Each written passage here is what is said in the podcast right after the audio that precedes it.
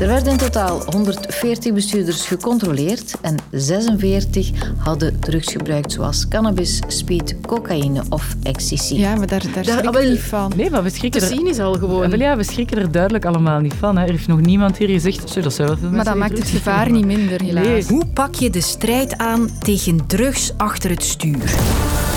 Daarom gaan we dit jaar terugvlammen tijdens de warmste week. Zodat we allemaal kunnen opgroeien zonder zorgen. Waarom zijn er meer jongeren in een verontrustende thuissituatie? Er is dus nu een voorstel om te gaan naar een soort van 38 uur werkweek. En wat wordt daar dan mee bedoeld? Ja, je staat daar niet bij stil, maar leerkrachten hebben dat niet, hè? En een 38-urige werkweek voor leerkrachten. Is dat een goed plan? Dit is het eerste kwartier van een week die warm zou moeten worden. Welkom, ik ben Sophie van der Donkt.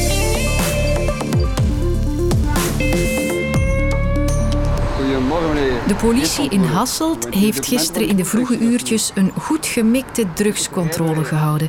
In de buurt van een house- en technofestival. En de resultaten waren ernaar. Bijna 1 op de 3 had drugs gebruikt, zoals cannabis, cocaïne, speed of ecstasy. En daar schrok zelfs de politie van. Ja, absoluut. Eh, Wij eh, betreuren het heel erg dat ondanks alle campagnes, ik denk dat onze eerste campagne rond drugs en het verkeer ondertussen bijna tien jaar oud is, dat bestuurders en in dit geval dan feestvierders nog altijd niet begrijpen eh, wat het gevaar is om ja, met drugs achter het stuur te kruipen.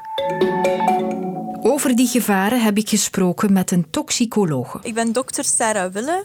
Ik ben werkzaam aan het NICC, dat is het Nationaal Instituut voor Criminalistiek en Criminologie. En daar zien ze wel wat binnenkomen. Dus NICC is een van onze grootste hoeveelheden stalen die wij moeten analyseren, eh, zijn dus speekselanalyses in het kader van drugs in het verkeer. Nu, we hebben een stijging gezien over, eh, ja, laten we zeggen, de laatste tien jaar. Maar dat heeft natuurlijk ook te maken met dat er meer en meer controles eh, gebeuren op het terrein. Dus wij zien zeker een stijging, ook in het aantal positieve gevallen ehm, die wij moeten bevestigen. Dus vaak zijn de stalen niet alleen positief voor één parameter, maar voor meerdere. Bijvoorbeeld cannabis en een stimulerend middel. Maar welke drug we ook genomen hebben, hij tast onze rijvaardigheid aan. Ja, dat is inderdaad zo. Dus drugs gaan een impact hebben op rijvaardigheid. Natuurlijk, alles hangt af van de klasse eh, van de drug. Sommige drugs gaan eerder een stimulerend effect hebben op ons centrale zenuwstelsel, terwijl andere eerder een, ja, wat we noemen een negatief impact, een beetje uw centrale zenuwstelsel gaan kalmeren, sederen. Dus eigenlijk meer de effecten dat we dan denken bijvoorbeeld in slaap vallen. Het is allebei gevaarlijk, maar op een andere manier. Ja, want ze gaan alle twee dus een impact hebben op ja, het besturen. Hè, dus de reactietijd, je controle, hoe ja, recht kan je bijvoorbeeld rijden. En dan ook nog eh, op een aantal ja, verschillende cognitieve testen. Bijvoorbeeld je aandacht, het volgen van een wagen, informatie kunnen verwerken. Dus al die verschillende factoren, daar gaan ze een impact op hebben. Maar ofwel eerder stimulerend, ofwel eerder kalmerend, sederend. Een beetje pijnlijk in dit geval is dat minister Lydia Peters op het festival net een campagne tegen drugs achter het stuur gelanceerd had. En enkele uren later loopt dus één op de drie bestuurders tegen de lamp. Wat moeten we daarvan denken? Ik ben Kathleen Peleman, eh, directeur van het Vlaams Expertisecentrum Alcohol en Andere Drugs. De nieuwe campagne is, is een belangrijke campagne, is een goede campagne, maar er is inderdaad nog een hele weg te gaan. Is het moeilijker om te sensibiliseren tegen drugs achter het stuur dan tegen alcohol? Dus ja, inderdaad, uh, wanneer we willen sensibiliseren of preventie voegen rond een product dat de meeste mensen gebruiken en dat bovendien legaal is, zoals alcohol, werken we op een heel andere manier dan wanneer dat we preventie voeren rond iets dat illegaal is en alleen maar circuleert in bepaalde milieus, bepaalde niches, bepaalde subgroepen. Zelfs in het uitgaansleven willen we ook niet het idee creëren dat de meeste mensen illegale drugs nemen. Dus ook daar werken we gericht. We hebben bijvoorbeeld projecten waar dat mensen aanwezig zijn in de uitgaanssetting en heel gericht informatie geven, sensibiliseren rond illegale drugs naar die mensen die daar nieuwsgierig rond zijn. Dus die al in hun hoofd de stap gezet hebben van nou, dat is misschien toch wel iets uh, dat ik eens wil proberen. Of die al eens drugs genomen hebben. En daar waarschuwen we natuurlijk heel erg dat de combinatie illegale drugs en verkeer niet kan. Maar de mentaliteit moet nog wel veranderen om te beseffen, zoals met alcohol, dat drugs zeker ook niet samengaan met rijden. Het is in elk geval daar waar die campagne op inzet en waar dat wij ook volledig mee achterstaan. Van, mensen hebben wel het gevoel van ik voel mij goed en ik kan nog achter het stuur kruipen, maar moeten heel erg duidelijk gemaakt worden van nee, het past niet. Dus daar moet inderdaad nog een hele weg afgelegd worden. Dus dat klopt.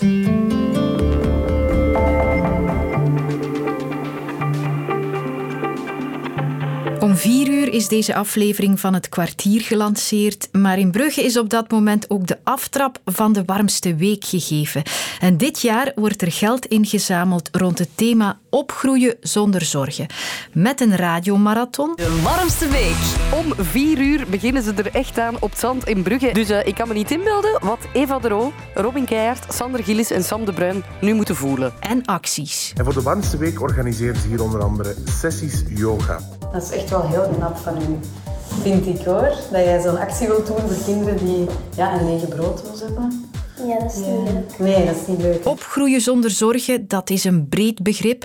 Bruno van Opbergen van het agentschap Opgroeien kan mij vertellen wat daar allemaal onder valt. Dat gaat eigenlijk om situaties waar ofwel de ontwikkelingskansen van kinderen bedreigd zijn, dan wel wanneer de veiligheid en de integriteit van kinderen en jongeren in gevaar is. En heel concreet Gaat dat om uh, gezinsconflicten? Gaat dat om jongeren met zelfmoordgedachten? Gaat dat om vormen van kindermishandeling, seksueel misbruik, maar ook bijvoorbeeld uh, vormen van emotionele mishandeling of verwaarlozing? Een jeugd zonder zorgen zou een evidentie moeten zijn, maar uit cijfers blijkt dat dat allerminst het geval is.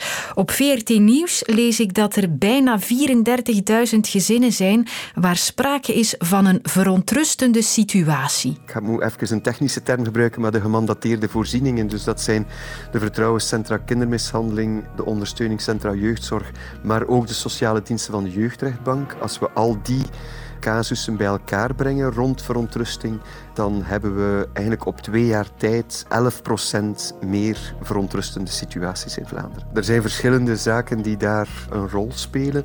Je hebt natuurlijk het feit dat gezinnen aangeven dat zij heel wat stress ervaren in het combineren van de verschillende opdrachten die op hen afkomen.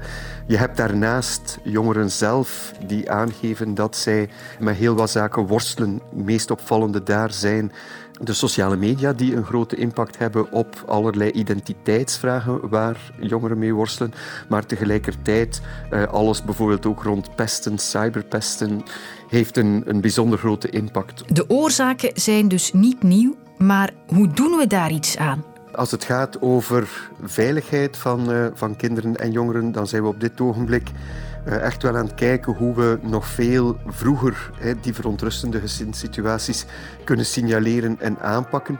En dat betekent dat we samenwerking met onderwijs, samenwerking met de gezondheidszorg, omdat dat vaak de twee plekken zijn waar eerste signalen rond uh, onveiligheid, misbruik, geweld um, aankomen, uh, willen we samen met onderwijs en de gezondheidszorg gaan zoeken hoe we nog veel sterker kunnen samenwerken en dus veel vroeger kunnen aanwezig zijn als er zich bepaalde problemen voordoen.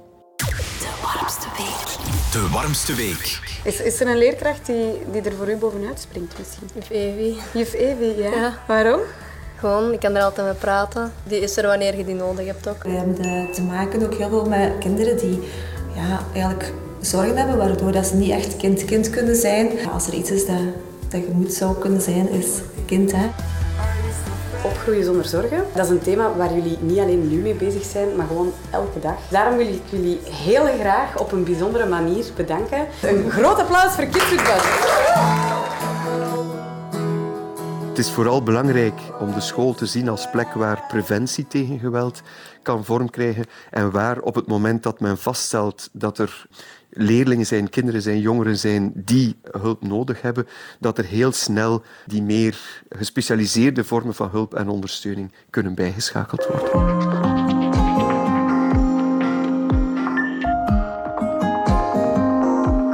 Het is bijna kerstvakantie, maar voor leerkrachten is het nog een drukke week. De laatste examens verbeteren, urenlang overleg in de klassenraden. Rapporten maken, oudercontacten, nieuwjaarsbrieven schrijven en oh, nog een kerstfeestje in elkaar boksen voor de kleuters. Is er iemand kandidaat?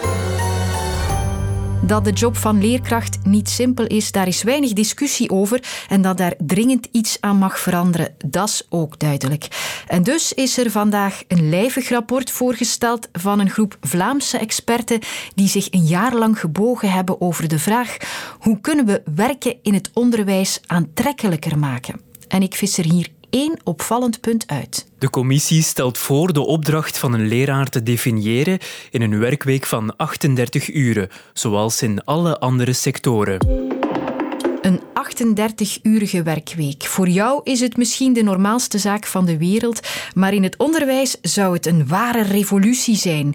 Ik vond iemand die die revolutie niet afgewacht heeft. Hallo, Goedemiddag. Christine Bruggeman, directeur van de secundaire school Lab in Sint-Amans. Zij schreef mee aan het expertenrapport en heeft het systeem al ingevoerd in haar school. Dus onze collega's ja, zijn van half negen tot half vijf op school, op woensdag tot half één.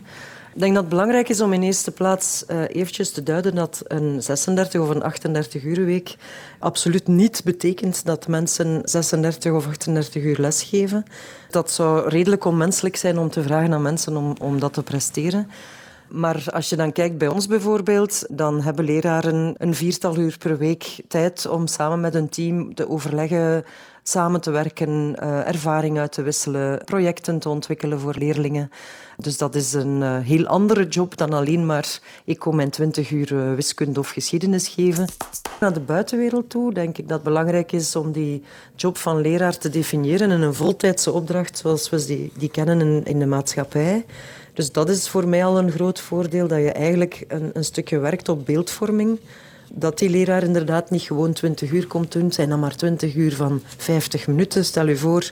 Maar voor mij de, de belangrijkste voordelen zijn toch wel vooral het feit dat je heel veel ruimte krijgt om te professionaliseren. Formeel en informeel. En daar bedoel ik mee, op zo'n teamoverleg bijvoorbeeld um, halen wij soms externe opleiders naar onze school. Maar ook informeel, het uitwisselen van ervaring, van hoe pak je dat aan, het delen van, van goede lespraktijken. Dat zijn dingen die op dat moment echt wel ruimte krijgen, die ook heel belangrijk zijn. Ze komen eigenlijk makkelijk, makkelijker tot intervisies bij elkaar. Je kan die job van leraar op die manier ook makkelijker verbreden.